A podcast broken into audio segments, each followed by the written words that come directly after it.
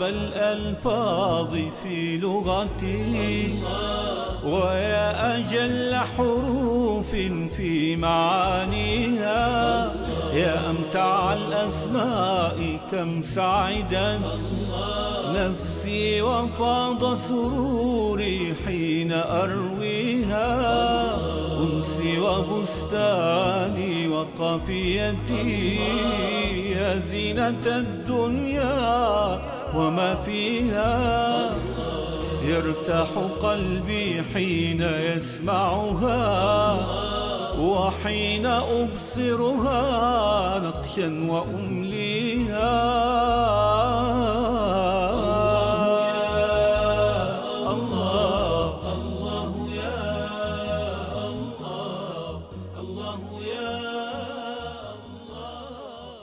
كان النبي صلى الله عليه وآله وسلم إذا صلى الليل دعا بأدعية وكان من دعائه في الاستفتاح كان يقول اللهم رب جبرائيل وميكائيل وإسرافيل فاطر السماوات والأرض عالم الغيب والشهادة أنت تحكم بين عبادك فيما كانوا فيه يختلفون. اهدني لما اختلف فيه من الحق بإذنك إنك تهدي من تشاء إلى صراط مستقيم. أنت تحكم الله عز وجل هو الحكم والحكم هو العدل جل وعلا. الحاكم قد يحكم بالعدل وقد يحكم بالظلم أما الله عز وجل ولله المثل الأعلى فهو الحكم الذي لا يحكم إلا بالعدل الذي حرم الظلم على نفسه. أفغير الله أبتغي حكما؟ نحن لا نرضى حكما إلا الله جل وعلا. نحن عباد للحكم سبحانه وتعالى. هذا يوسف عليه السلام لما كان جالسا في السجن مع صاحبي السجن كان يعلمهما ويذكرهما. من كلامه لهما كان يقول ما تعبدون من دونه إلا أسماء سميتموها أنتم وآباؤكم من قبل ما أنزل الله بها من سلطان ثم ماذا ذكرهم به؟ إن الحكم إلا لله. إن الحكم إلا لله. فهو الحكم جل وعلا هو الذي يحكم بين عباده فيما كانوا فيه يختلفون. ما يحصل في كونه كله من حكمه جل وعلا الكوني. هذا يموت وهذا يعيش ويحيا هذا يأكل وهذا يجوع هذا يغتني وهذا يفتقر هذا يصحو وهذا يمرض. كل ما يحصل في كونه من حكمه جل وعلا الكوني القدري. وما امرنا به من تحليل هذا ومن تحريم ذاك من ايجاب هذا ومن اباحه ذاك ومن تحريم هذا. كل هذه الاحكام يحب هذا ويحب ذاك. هذه من احكامه الشرعيه جل وعلا الحكم لله. اطمئن اطمئني يا من ظلمت يا من ظلمت. ترى الحكم ليس في تلك المحكمه. ربما بعض المحاكم تظلم الناس. بعض الناس يتوجه من محكمة إلى محكمة حتى يوصل محكمة العدل الدولية وفي النهاية ما يطلع بشيء. فيقول راح علي؟ لا ما راح. ترى الحكم كله سيرجع لمن؟ لله عز وجل. أنت تحكم بين عبادك. فيما كانوا فيه يختلفون. حكمه هو الحكم العدل.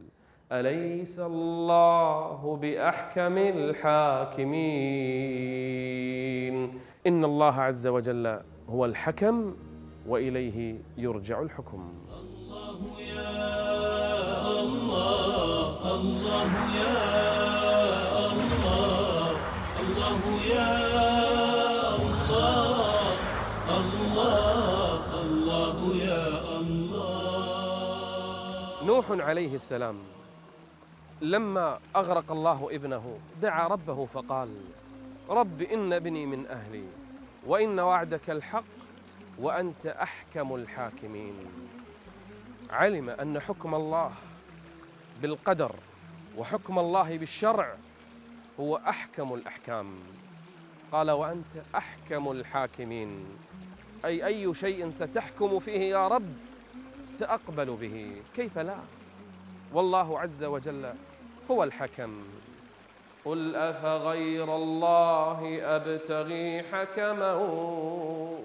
أبتغي حكما يعني في أحكام القدرية وفي الأحكام الشرعية. القدرية ما يحصل في الكون اليوم. من أفراح وأحزان من آلام ومسرات. كل هذه أحكام الله عز وجل القدرية في الأرض. لا أريد ولا أرضى حكما غير الله. والأحكام الشرعية الحلال والحرام الذي بينه الذي بينه لنا في شرعه. لا أبتغي حكما غير الله عز وجل. لو نزلت بك المصائب لو جاءتك الهموم لو جاءتك الأحزان لو ضاقت عليك الأرض لو حصل لك ما حصل قلها من قلبك. اللهم إني عبدك وابن عبدك وابن أمتك ناصيتي بيدك. ماذا نقول بعدها؟ ماض في حكمك. أليس الله بأحكم الحاكمين؟ الحكم جل وعلا. ما يحصل لي؟ هذا حكمك يا رب. ما يحصل من زواج وطلاق من إنجاب وعقم من غنى وفقر من مرض وشفاء كلها أحكام الله جل وعلا. ماض في حكمك. عدل في قضاؤك. بعدها تسأل إذا ما عندك هذا اليقين أن الله عز وجل هو الحكم وأن أحكامه كلها عادلة إذا ما عندك هذا اليقين صدقني حتى دعائك ما راح تستشعره ولن تجد لذته. لا بد من اليقين أولا أن الله عز وجل له الحكم وهو أحكم الحاكمين. كل شيء سيفنى ويبقى وجهه.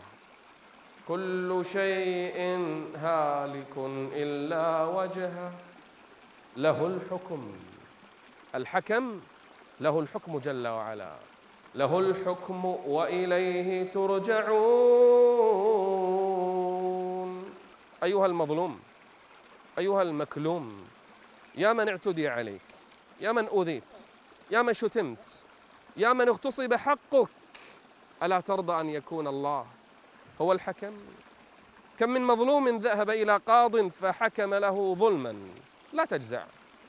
لا تأبه. لا تحزن. فإن الله عز وجل هو الحكم. أليس الله بأحكم الحاكمين؟ أبتغي حكما غير الله؟ كل شيء قد اختلفنا فيه. فحكمه إلى من؟ إلى الله. الحكم جل في علاه الله يا الله الله يا الله الله يا الله الله الله يا الله اسمك الحكيم يا الله يسكن أنفاسي ويملأ وجداني ويسري في عروقي. أكاد أراه في كل شيء حولي. أردد دائما أنت أحسن الحاكمين.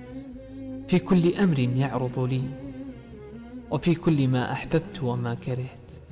أتأمل كثيرا قصص الأنبياء وحكمة الله البالغة في كل التفاصيل. فيزداد يقيني ورسوخ هذا الاسم في أعماقي.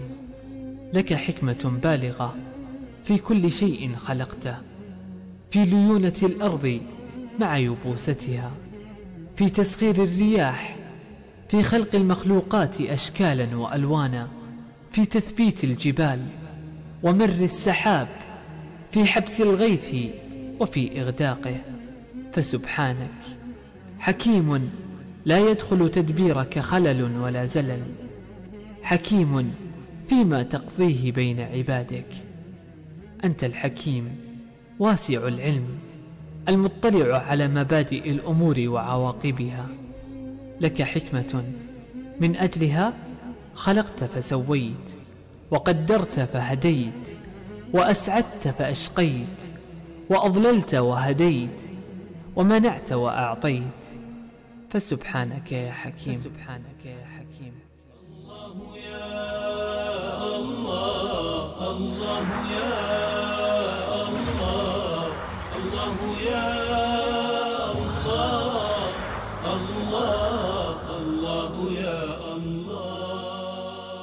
إذا نزلت عليك مصيبة أو جاءك بلاء أو ضاقت عليك الأمور أو تعسرت فتذكر أنها بتقدير الحكيم. الحكيم جل وعلا ما قدر عليك هذا الأمر إلا لحكمة أرادها الله.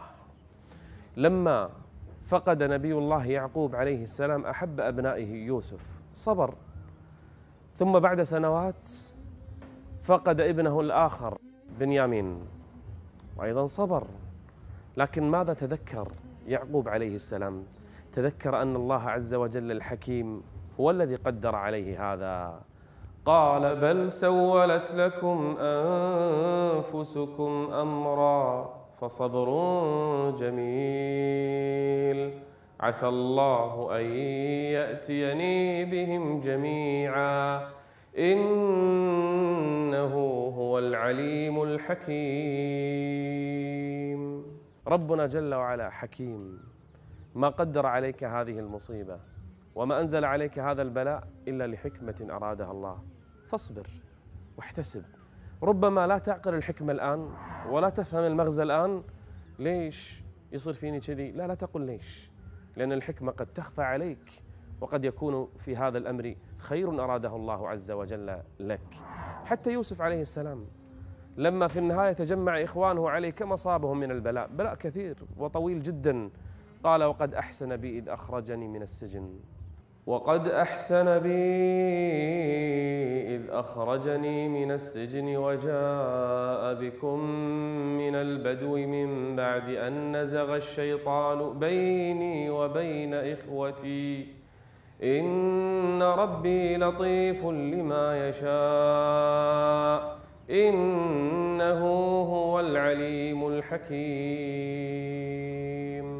دائما تذكر أن وراء هذه المصيبة حكمة يقدرها الله جل وعلا.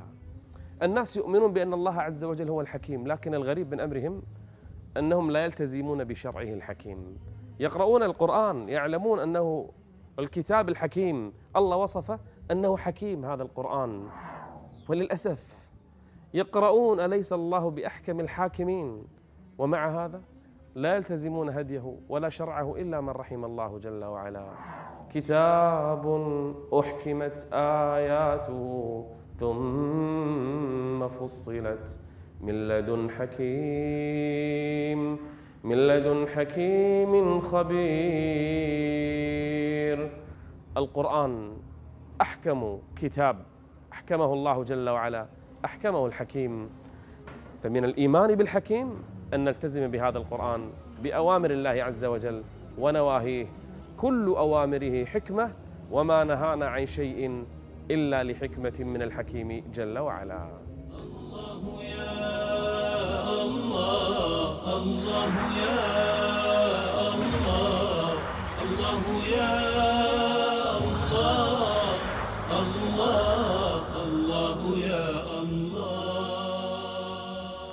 الله أحيانا قد لا نعرف الحكمة من حدث ما في الأرض ولكن تأكد أن الله عز وجل حكيم. لا يقدر شيئا إلا لحكمة قدرها ربنا جل وعلا. الصحابة لما صدموا بمنعهم من زيارة البيت الحرام وحصل ما حصل في صلح الحديبية تضايقوا. وما كانوا يعلمون أن في هذا الصلح خير عظيم. حتى قال الله إنا فتحنا لك فتحا مبينا. في صلح الحديبية. نعم قد تخفى علينا الحكمة لكن لابد أن نفهم أن الله عز وجل حكيم. بعض الناس قد يتساءل ليش يصيبني هذا المرض؟ ليش يصير فيني كذي؟ ليش هذا الدين؟ ليش فقط هذا العزيز أو القريب؟ الله عز وجل حكيم. قد تخفى عليك الحكمة لكن تأكد وارضى وارتاح ونم مطمئن مطمئنا لأن الله عز وجل حكيم في قدره حكيم في أمره حكيم في شرعه حكيم في كل شيء. ليس في تدبيره خلل ولا زلل. لما أراد الله عز وجل أن يخلق آدم الملائكة سألت واستفسرت ليش؟ الجن كانت تقتل وتسفك الدماء. لما علمهم أنه يعلم ما لا يعلمون قالوا سبحانك لا علم لنا إلا ما علمتنا إنك أنت العليم الحكيم. نعم. نحن نؤمن بأن الحكيم لن يقدر شيئا إلا وفيه حكمة. بل السماوات والأرض. ما خلقها الله عز وجل إلا لحكمة. وما خلقنا السماء والأرض وما بينهما لاعبين. ما خلقناهما إلا بالحق. إنها حكمة ربانية إلهية. حكمة أن ينفصل هذا عن هذه. هناك حكمة أن يموت هذا ويبقى هذا. هناك حكمة أن يغتني هذا ويفتقر هذا لكن قد تغيب عنا أحيانا. الحكيم جل وعلا يؤتي حكمته من يشاء. أفضل وأحكم خلقه أنبياؤه. ثم يعطي ويؤتي الحكمة من يشاء. وهنيئا لمن أعطاه الله عز وجل شيئا من حكمته. نعم. يؤتي الحكمة من يشاء ومن يؤت الحكمة فقد أوتي خيرا كثيرا. نعم الحكمة فقط من الحكيم جل وعلا. هنيئا هنيئا لمن أعطاه الله عز وجل شيئا من الحكمة. وتأتي الحكمة في القرآن بمعنى السنة فالسنة كلها حكمة. كيف لا؟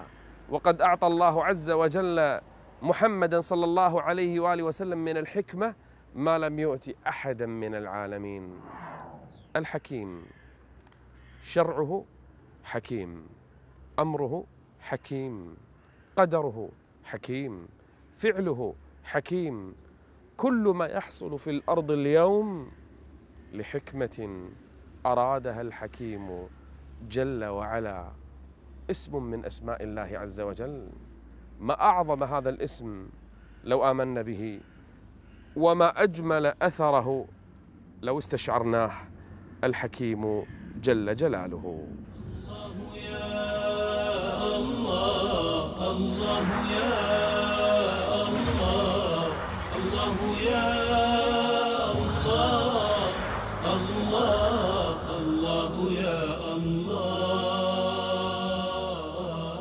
يوم القيامة عندما يفنى الخلق ويقبض الله عز وجل الأراضين والسماوات السماوات بيده اليمنى والأراضين والأرض بيده الأخرى فيهزهن ثم يقول جل جلاله انظر لهذه الكلمات.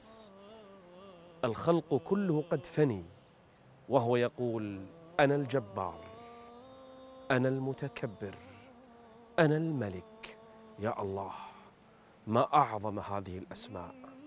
المتكبر سبحانه جل شأنه. من عرف هذا الاسم؟ مستحيل يوم من الأيام يقع في قلبه ذرة من كبر.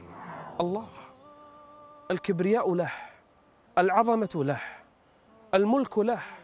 كان النبي صلى الله عليه وآله وسلم يقول سبحان ذي الجبروت والملكوت والكبرياء والعظمة. الكبرياء كله له جل جلاله. قال الله عز وجل في الحديث القدسي العز إزاري والكبرياء ردائي. فمن نازعني عذبته بناري. لا ينبغي لأحد من الخلق أن يكون في قلبه ذرة من كبر. صفة خالصة لرب العزة جل جلاله المتكبر فالكبرياء له من ينظر في الكون الفسيح بنجومه وكواكبه وسماواته وأراضيه من ينظر إلى هذا الكون يعلم حقا قدر كبرياء الله عز وجل. وله الكبرياء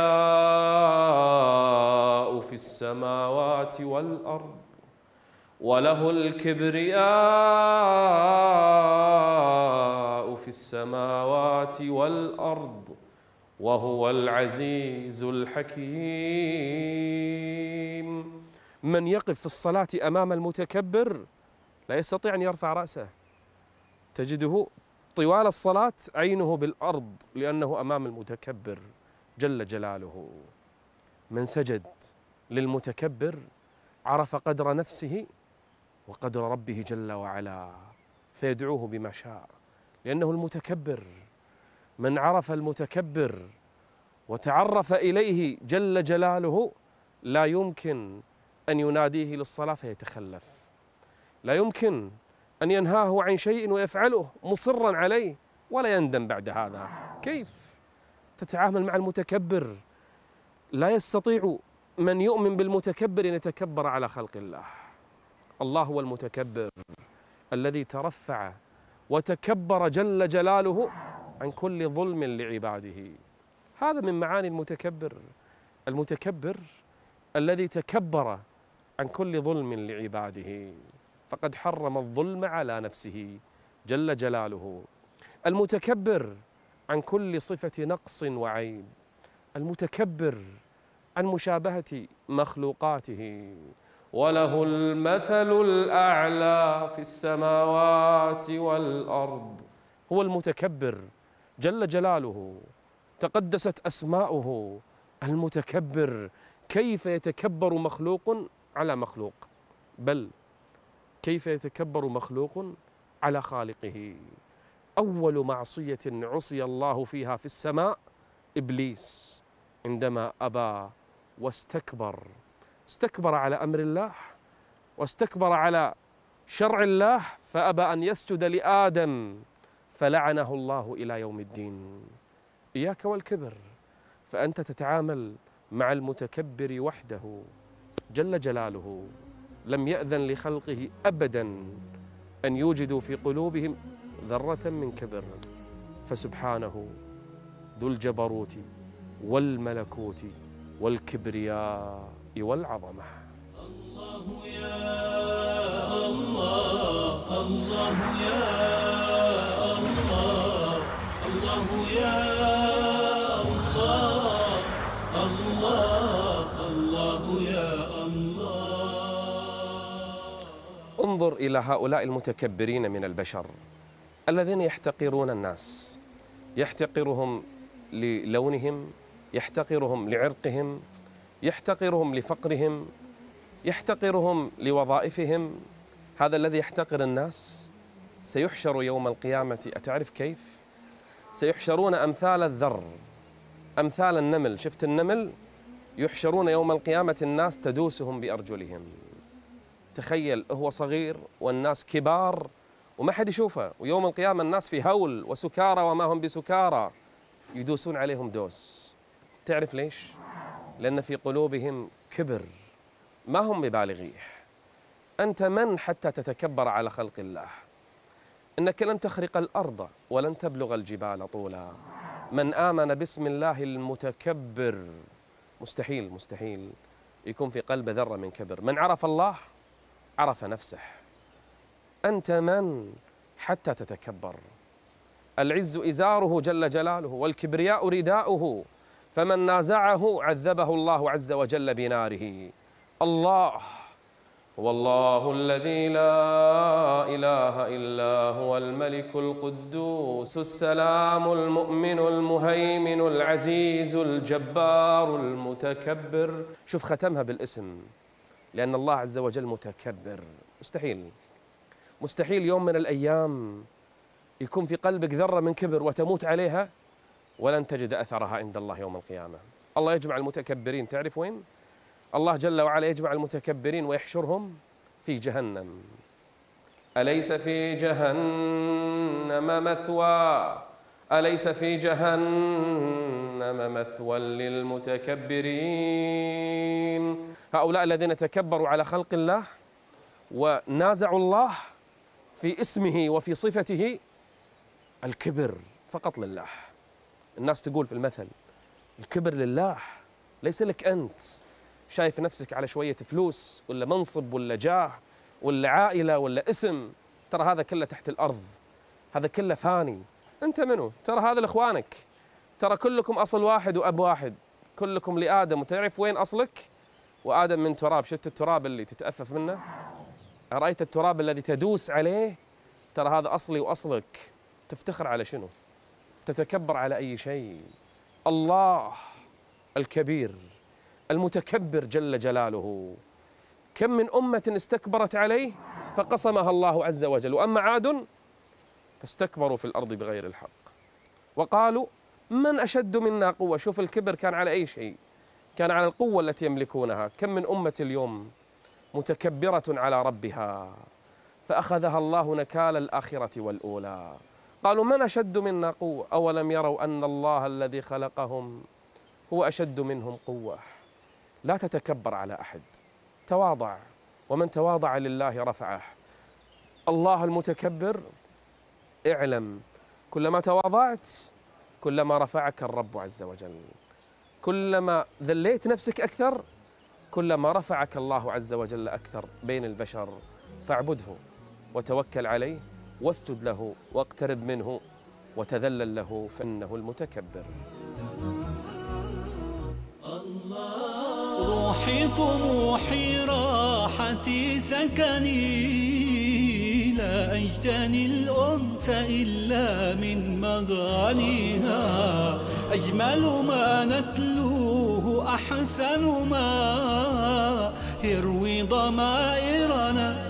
طهرا ويسقيها. يا سلوة للقلب يا أملا يرى المحب أفانينا المنى فيها. إن جاءت الدنيا بضائقة فالجأ إليها ففيها ما يجليها.